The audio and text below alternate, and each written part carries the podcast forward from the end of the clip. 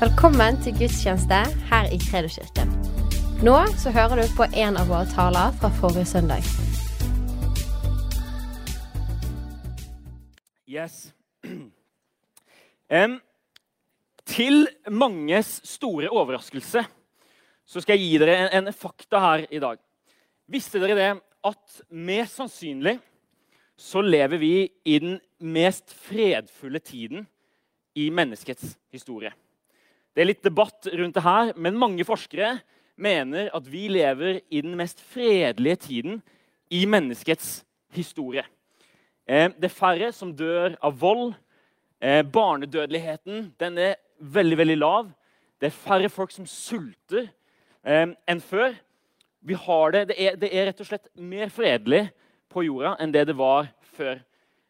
Nå er det litt sånn rart å høre det, for vi ser mye nyheter. Sant? så vi ser jo alt det ille som skjer. Men faktum er det at vi lever i en ganske fredelig tid sånn egentlig. Og på toppen av disse statistikkene her så er jo Norge på mange måter. ikke sant?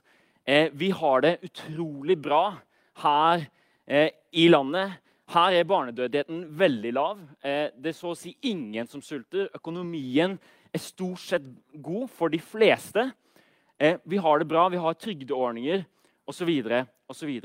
Vi lever i, sett i historien, i en meget fredelig tid her i Norge. Men så er saken På tross av at omstendighetene våre er fredelige, så er det mye som tyder på at det ikke er så fredelig på innsiden av oss. Og Jeg skal ta og lese noen, eh, noen, statistikker for dere her. De sier som det her at en fjerdedel av befolkningen vil rammes av angst i løpet av livet. Ca. 15% i løpet av et år. Depresjon vil ramme én av fem i løpet av livet. Mellom 15 og 20% av barn og unge har nedsatt funksjon pga. psykiske vansker. Mellom 15 og 20% av barn og unge har hatt en depressiv lidelse i løpet av barndommen. Og Andelen psykiske lidelser blant spesielt jenter i alderen 18-20 år har de siste årene eksplodert. Og Nå skal ikke jeg gå inn her og analysere hvorfor det har blitt sånn her, for jeg er ingen ekspert på det området. Men det det kanskje viser oss, er at selv om vi har det nokså fredfullt på utsiden av oss, så er det ikke nødvendigvis sånn at den freden kommer på innsiden av oss. Så skal vi se hva Jesus tar og sier om fred. Vi skal lese et vers eh, fra Johannes 14, eh, 27. Og konteksten til det verset her det er det at Disiplene de har vært med Jesus nå i, i, i tre år under hans, eh, når han går her på jorda. Og de har vært med han, og så plutselig så sier Jesus du, dere, eh, oppdraget mitt det nærmer seg slutten. Snart så skal jeg dø, og så skal jeg stå opp igjen. Og så goodbye drar jeg. Jeg vet ikke med dere, men jeg hadde jo blitt livredd ikke sant, som disippel. De har jo lagt ned hele livet sitt for å følge den fyren her. Men så sier han, men i stedet for meg så kommer det en annen, Den hellige ånd, som skal være med dere. Og så sier han noe meget interessant. Han sier det her. Han sier, 'Fred etterlater jeg dere. Min fred gir jeg dere.' Ikke som verden gir, gir jeg dere. La ikke deres hjerter forferdes. Frykt ikke. Fred etterlater jeg dere. Min fred gir jeg dere. Ikke som verden gir. Så Jesus han sier altså at han gir oss sin fred og ikke den freden som verden gir. For hvilken fred er det verden gir? Jo, den gir den freden som, som, vi kan oppnå, sånn som her i Norge. Denne freden som er på utsiden. Disse ordningene, familiene. Den gir alle disse gode tingene som, som, som ja, leder til fred. Men som vi har sett de siste to årene, så er det ikke så mye som skal til før den freden plutselig forsvinner. Men Jesus sier altså at han gir oss sin fred.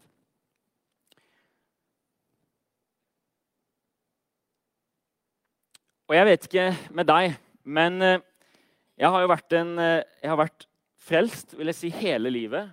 Jeg har fulgt Jesus hele livet. Jeg kan aldri huske at jeg har vært borte ifra Gud. Og Jesus sier jo at han har gitt meg sin fred. Men det, det er ikke alltid jeg føler meg så veldig fredfull. Kjenner du deg igjen i det? Det er ikke alltid jeg kjenner at jeg har fred overalt. sant? Av og til så er jeg redd, av og til så er jeg engstelig. Av og til så er jeg stressa når jeg kjører bil og Eden ligger og skriker i baksetet, og jeg prøver å ta smokken samtidig som jeg kjører. Og, ikke sant? Det er ikke alltid jeg kjenner på denne freden her. Så det er det jeg har lyst til at vi skal snakke om her i dag. Det er hvordan kan vi få denne freden som Jesus kommer med? Og Det hebraiske ordet for fred, det er shalom. Kan du si shalom? Hvis du er skikkelig dreven, så sier du shalom, shalom, eller halam, Shalom.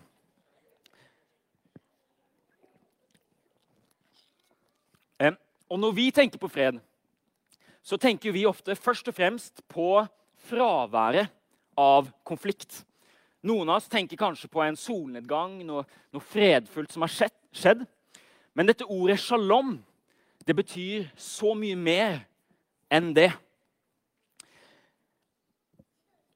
Shalom det er et ord som refererer til fred, men som også betyr helhet. Dyr trygghet.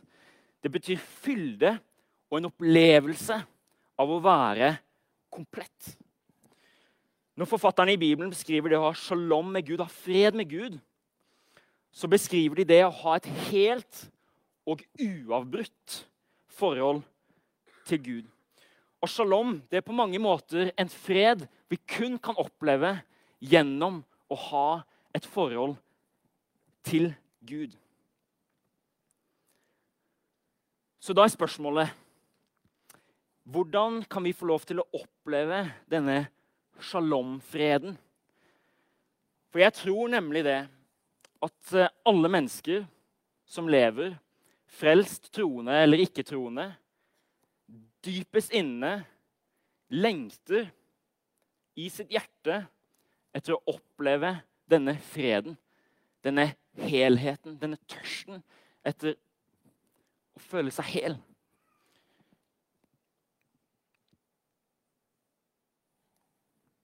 Og For å forklare det her med shalom, denne freden, så skal jeg først forklare hva det ikke er å ha denne shalom. Og til det så trenger jeg en hjerne. Ta neste her. En hjerne, og jeg trenger min gravide kone. Min altså hun er ikke min tidligere kone, men hun, er, ja, hun var gravid tidligere. Nå er hun ikke gravid lenger. Og jeg vet ikke med dere som har barn, eh, men det er noe som skjer med kvinner når de blir gravid. Det er det bare å stadfeste. Det er bare å innrømme. Det er et eller annet som skjer. Og, og nå, nå, kaster jeg Sharon litt under bussen her, og jeg har spurt om tillatelse. og Hun sa det er helt greit. For Guds rike så kan du fortelle denne historien. Så For ett og et halvt år siden så bodde jo jeg og Sharon i Danmark. Vi ble gravid, og vi flyttet hjem igjen. Retrett. Um, og Det året så hadde vi flytta fra Sydney til Norge, og det er jo en prosess i seg selv. Um, og vi hadde flytta vi har litt på det, åtte eller ni ganger det året. Og det å flytte spesielt for en gravid kone, det er ikke så veldig digg. Så vi hadde dette barnet, og vi bodde i en leilighet her i Bergen. Eh, og det var jo bare midlertidig. Og Sharon hun er en, en, dame som planlegger. Hun er god å planlegge. Hun utfyller meg. Jeg er flink på å leve i nuet. Hun er flink på å planlegge. På godt og vondt. ikke sant? Men det er veldig fint for meg å ha hun, og noen ganger er det veldig fint for hun å ha meg. Men hun planlegger, og med denne babyen i magen og denne usikre situasjonen, så ble Sharon så redd for det som skulle komme, for denne usikkerheten, at hun begynte å kjenne på en ordentlig, ordentlig, ordentlig dyp uro som på en måte rammet hele hun. Så hva gjorde hun? Hun kompenserte. Hun fant en måte å kompensere for denne uroen. Og Jeg pleide å jobbe, jeg dro kanskje klokken syv på morgenen. Og når jeg dro klokken syv på morgenen, syv-åtte-tiden, så satt eh, Sharon her. Og så hun, så hun på Nå vet ikke om dere kan se det her, men hun så på et bakeshow. Og når jeg kom hjem klokken fem kanskje på dagen, da satt Sharon fortsatt og så på det samme bakeprogrammet. Og det som er greien, da, det er jo ingenting galt med å se på et bakeprogram i seg selv. ikke sant? Det er Bakeprogram er veldig fint og flott, men når du begynner å bruke det bakeprogrammet for å kompensere, da har det skjedd noe gærent. Kan vi ta neste slide, denne hjernen? Så I hjernen vår den består av milliarder av nerveceller, altså også kalt nevroner. Jeg er ingen ekspert her, prøver å forklare så enkelt som jeg kan. Nevroner. Og Disse nevronene de sender beskjeder, og de kobler seg sammen når de sender beskjeder. Og Hver gang man sender en beskjed, så blir den koblingen i hjernen litt sterkere. Sender en beskjed, så blir det litt sterkere. Og til slutt så danner det, danner det seg sånne baner som denne beskjeden blir sendt. Og Dette er jo utgangspunktet veldig positivt, ikke sant? for da kan vi lære matte, vi kan lære å gå. Og vi kan gjøre ting, altså Disse banene blir dannet sånn at vi kan gjøre ting. Problemet det oppstår når beskjeden som sendes, eller tanken som sendes, ikke er en tanke vi egentlig har lyst til å ha. Så det Sharon endte opp med å gjøre, det var at hver gang hun kjente på denne uroen, så sa hun til seg selv ok, jeg må kompensere. Jeg går, og så døyver jeg den uroen med å se på dette bakprogrammet. Og det jeg lurer på Nå høres det her eh, ut som jeg har virkelig kasta sjalen under bussen her, men det jeg tror, det er at eh, det er veldig mange av oss som egentlig gjør det her bevisst eller underbevisst. Kanskje for deg under denne pandemien så har du kjent på en sånn uro og en engstelse. At du rett og slett bare har satt deg ned, og så har du bare sett på Så har du bare sett på nyhetene. TV 2-nyhetene. TV 2-nyhetene er jo ikke nok i seg selv, så vi må jo sjekke ut NRK også. Vi ser nyhetene fra NRK. Og så må vi ha litt internasjonale nyheter. CNN. Men vi er jo ikke bare liberale her. Vi må jo ha Fox News, konservative nyheter. Og så kan vi ikke bare ha mainstream-nyheter heller. Nei, vi må selvfølgelig inn på dagen. Vi må ta oss og se på dagen hva er det som skjer. Og det jeg tror at noen av oss gjør underbevisst fordi at vi kjenner på en uro, en engstelse for at ikke vi kan kontrollere, så prøver vi også å bare sluke informasjon, se nyheter, sånn at vi får en opplevelse av at vi har kontroll. For dess mer du vet, dess mer føler du at 'jeg har litt kontroll'. Men det er ingenting galt i seg selv ikke sant, med å se på nyhetene. Til og med Per Ove Berg ser på nyhetene av og til. Han gjør det, altså. Han sier det ikke til noen, men uh, jeg har bodd med han. Det er ingenting galt med å se på nyhetene i seg selv, men, men hvis det er kilden du går til når du kjenner på den uroen, da blir det gærent. Kanskje du er ung her i dag, kanskje du går i 7. klasse på barneskolen eller på ungdomsskolen. Og kanskje du kjenner på at du ikke er god nok. Kanskje du kjenner på at du ikke er god nok. Så hver gang du kjenner på den følelsen, så setter du deg ned her.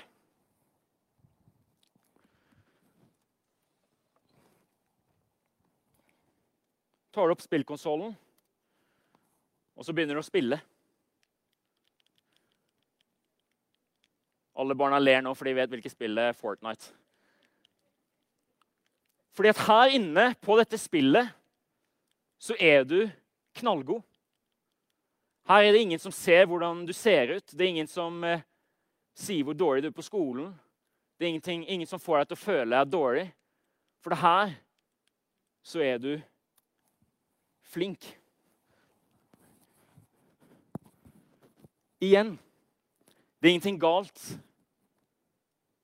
tror jeg.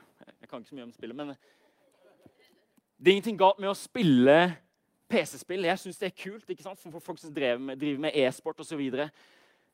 Men hvis gaming blir den måten at du slukker den uroen på, så blir det gærent. Fordi at gaming, når du har sittet åtte timer om dagen og, og gama, så skal jeg love deg at du kommer ikke til å kjenne på den egentlig lengter etter. Morten, du kan ta og komme opp. Kanskje du er her, og eh, du bare lurer på om noen noen gang kommer til å elske deg. Om du noen gang kommer til å finne en, en partner, en kjæreste, en kone eller mann. Så hver gang du kjenner på den uroen, så går du tilbake hit.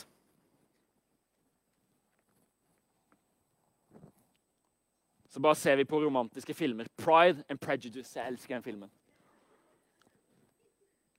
Og så bare ser vi timevis med det her og drømmer oss bort i denne verden av kjærlighet, lidenskap osv. osv. Igjen det er ikke noe nødvendigvis noe galt med å se en film. Til og med Per Overberg ser filmer. Men om du bruker den filmen eller den serien eller Netflix for å døyve den ufreden som du kjenner på på innsiden, da kommer du til å ende opp et sted hvor du ikke har fred i det hele tatt.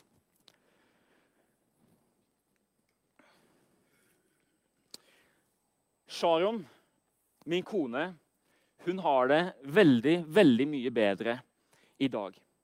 Og Grunnen til at hun har det bedre, det er at hun begynte å ta tak i denne uroen. Hun begynte å gjøre noe med det. For det hun begynte å gjøre i hjernen vår her, så har vi disse banene, ikke sant? disse beskjedene som blir sendt.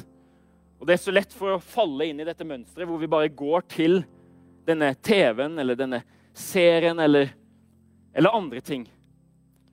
Men det vi måtte begynne å gjøre, det var at vi måtte begynne å bygge nye baner. Sånn at hver gang den uroen kom, så var ikke bakeprogrammet som skulle fikse det. Nei, det var Gud og hans løfter som skulle fikse det.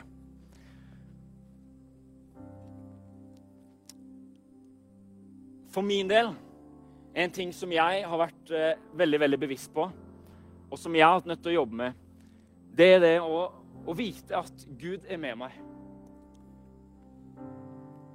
Så på PC-en min, på, på PC-skjermen, så står det 'Frykt ikke, for jeg er med deg'. På mobilen min her så står det Det står på engelsk Where can I go from your spirit? Where can I flee from your presence? If I go up to the heavens, you are there. If I make my bed in the depths, you are there. Og Hver gang jeg kjenner på at sant, jeg lever en travel hverdag, studerer, familie, jobber Og om jeg har tilbrakt 20 minutter med Gud eller ingen minutter med Gud eller to timer med Gud, så bare minner jeg meg selv på at uansett hva jeg har gjort, så vet jeg det at Gud, han er med meg. Gud, han er med meg. Når jeg går på skolen, når jeg møter mine medstudenter, så vet jeg at Hans ånd er med meg. Når jeg er på toppen av livet, og alt er kult og herlig, da er Gud der med meg. Men kanskje enda viktigere når alt er forferdelig, når dagen er lang, når Eden ikke sover om natten Da er Gud der med meg. Og kanskje du som er ung her, og som eh, bruker spill for å kompensere for den ufreden du kjenner på. Kanskje du er nødt til å begynne å bekjenne Guds løfte over ditt liv hver gang du kjenner på at ikke du er god nok. Det står i, i Salmene 139.: Mine bein var ikke gjemt for deg da jeg ble dannet i det skjulte og kunstferdig knyttet sammen i mors liv. Som foster så dine øyne meg, og i din bok var de alle skrevet ned, de dager som var fastlagt for meg, før en eneste en av dem var kommet. Kanskje du kjenner på denne uroen for hva som skjer i verden. Kanskje i stedet for å først gå til nyhetene, for å først fylle deg med informasjon. Kanskje før du gjør det, så skal du bekjenne Guds løfte. Frykt ikke, for jeg og jeg Det er mye som er inni det jeg, ikke sant? for det er Gud. Skaperen av universet. Han som sendte sin eneste sønn for å dø for dine synder. Han er med deg. Han er med deg. Kanskje hvis du kjenner deg alene, så må du huske på det at at Jesus han elsket oss mens vi fortsatt var syndere. Når vi ikke engang var tilgjengelig for, for Gud, så, så, elsket han oss. Fordi at når vi gjør dette her, når vi begynner å ta, ta tak i disse følelsene her, i denne uroen Hver gang vi erkjenner og bekjenner Guds løfter for våre liv i stedet for å gå dit, så sender vi en ny beskjed oppi her. Og det som er den første gangen du gjør det, så er det sykt vanskelig. Den første gangen du gjør det, kommer du ikke til å føle noen Altså, Du må bare bestemme deg. Du må bare si det ut. Bare gjøre det. Den andre gangen så kommer det også til å være vanskelig, fordi at du har heller lyst til å gjøre det som du, hjernen din egentlig er vant til å gjøre. Men etter hvert som du gjør det, gang på gang, kjenner på uro Jeg sender den beskjeden. Jeg er Guds. Gud har skapt meg. Jeg er god nok sånn som jeg er. Gud har skapt meg for en hensikt. Jeg er elsket. Og så plutselig så begynner du å bygge sånne baner. Disse nevronene begynner å bygge sånne baner imellom seg. Og plutselig, før du vet ordet av det, så uten at du kanskje engang vet det, neste gang den uroen treffer deg, så erkjenner du det løftet. Kanskje til og med uten at du tenker over det. Du bare gjør det automatisk. Og jeg har jo brukt eh, fattern som eksempel her, på TV-titting og det ene og det andre. Men det jeg vet med han, er at hver gang han kjenner på den uroen, så bare begynner han å be med en gang. Bare begynner å be. Kjenner på sånn ufred inni seg. Begynner å be. Sitter i bilen. Ofte. Sykt irriterende.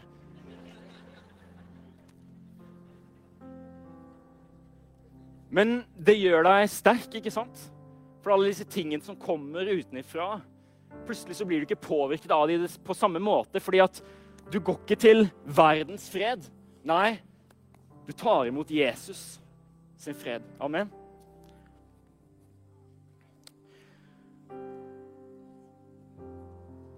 Og så kan det være at eh, du sitter her inne eller der hjemme og så tenker du, Aron, flott for deg. Du har jo et eh, greit liv. Ikke så mye sykdom og plager og det ene og andre. Men du tenker kanskje jeg har det forferdelig. Ekteskapet mitt er forferdelig. Hvor er, hvor er freden i det? Kroppen er syk. Hvor er Guds fred i det? Barna mine har gjort opprør. Hvor er Guds fred i det?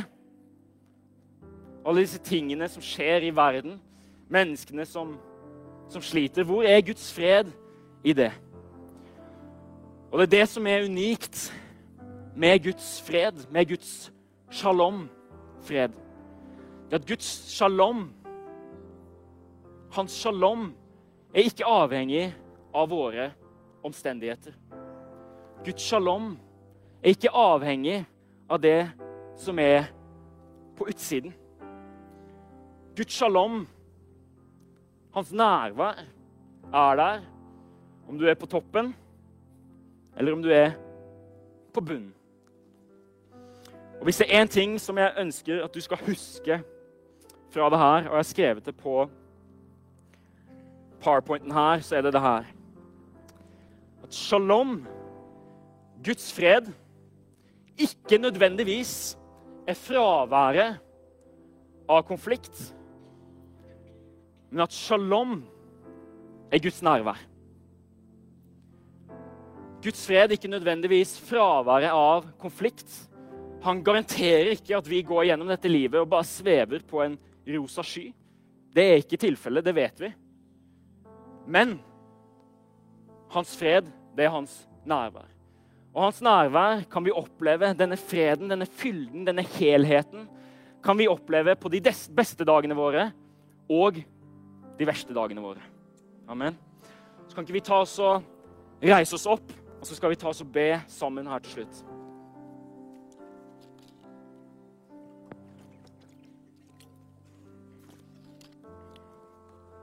OK. Først så har jeg lyst til at vi skal ta oss og be for deg som Du er en frelst, du har tatt imot Jesus, du, du går med, med Gud. Men likevel så kjenner du at den ufreden et eller annet inni her som bare For ofte så kjenner du på engstelse, på, på frykt, på, på ufred, en uro. Så hvis det er deg, så skal vi ta oss og be. Hvis det er deg, så bare tar du og legger hånden din, ditt, hånden din på hjertet. All right? Så vil jeg oppmuntre deg til å begynne å bekjenne Guds løfter over ditt liv. All right, vi tar og ber.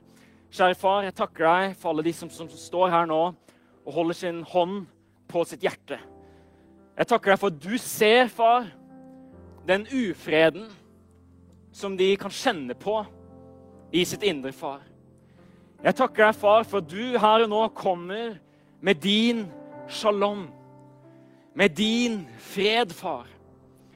Jeg ber, far, for de som sitter hjemme i stuen, at du skal fylle deres hus, far, med din shalom.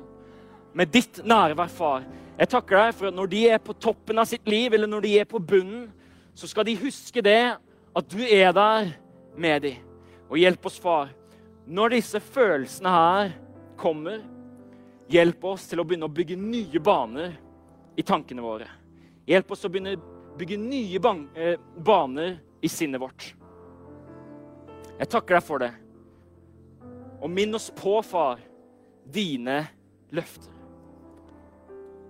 Jeg ber om at din fred, som overgår all forstand, skal fylle disse menneskene her. I Jesu navn. I Jesu navn. Amen. Og helt til slutt så har jeg lyst til å spørre deg om du har fred med Gud. Greiene er at vi som mennesker vi er skapt for å ha en relasjon til vår far.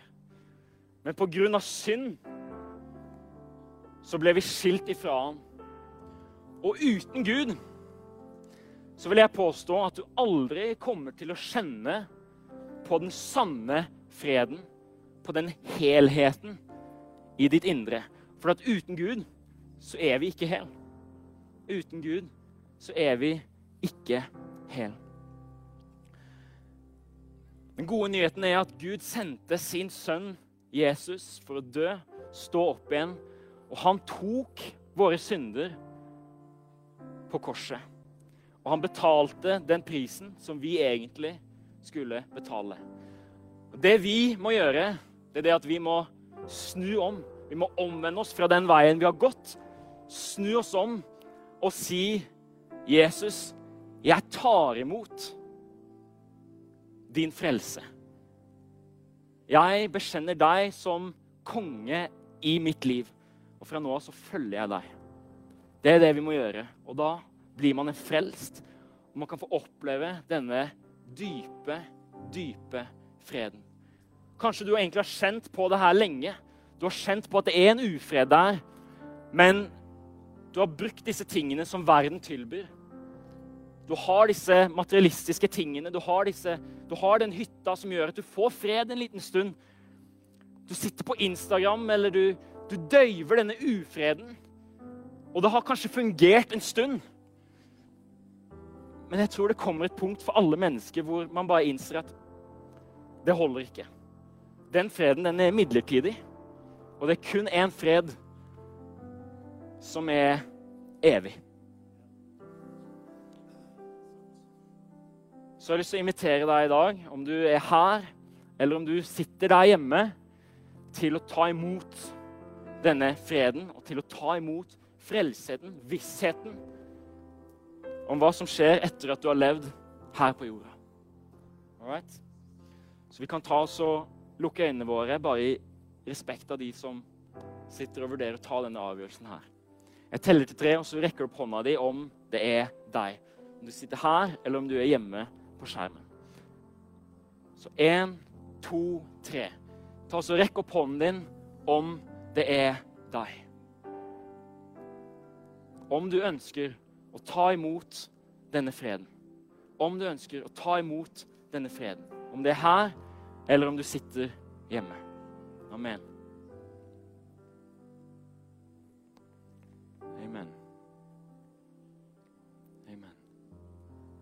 OK. Skal vi ta oss og be sammen? Og om du er hjemme, så følger du med i denne bønnen. Kjære Gud. Jeg takker deg for at du sendte din sønn. At han tok den betalingen som jeg egentlig skulle gi. Jeg takker deg for at han døde og sto opp igjen. Jeg takker deg for hans blod, som renser meg. Og her og nå så tar jeg imot din fred. Jeg tar imot din frelse. Og jeg er et Guds barn. Amen. Amen. Kan vi ta oss og gi en klapp for de personene som tok den avgjørelsen i dag? Amen. Tusen takk for at jeg fikk lov til å dele det her med dere i dag. Jeg vet at det her funker. Jeg har en kone som er et eh, levende bevis på det. Jeg er et levende bevis på det at om du møter denne uroen med Guds løfte, så forandrer livet ditt seg. Amen. Tusen takk. Tusen takk for at du lyttet. Følg oss gjerne på Instagram og Facebook, og så snakkes vi neste uke.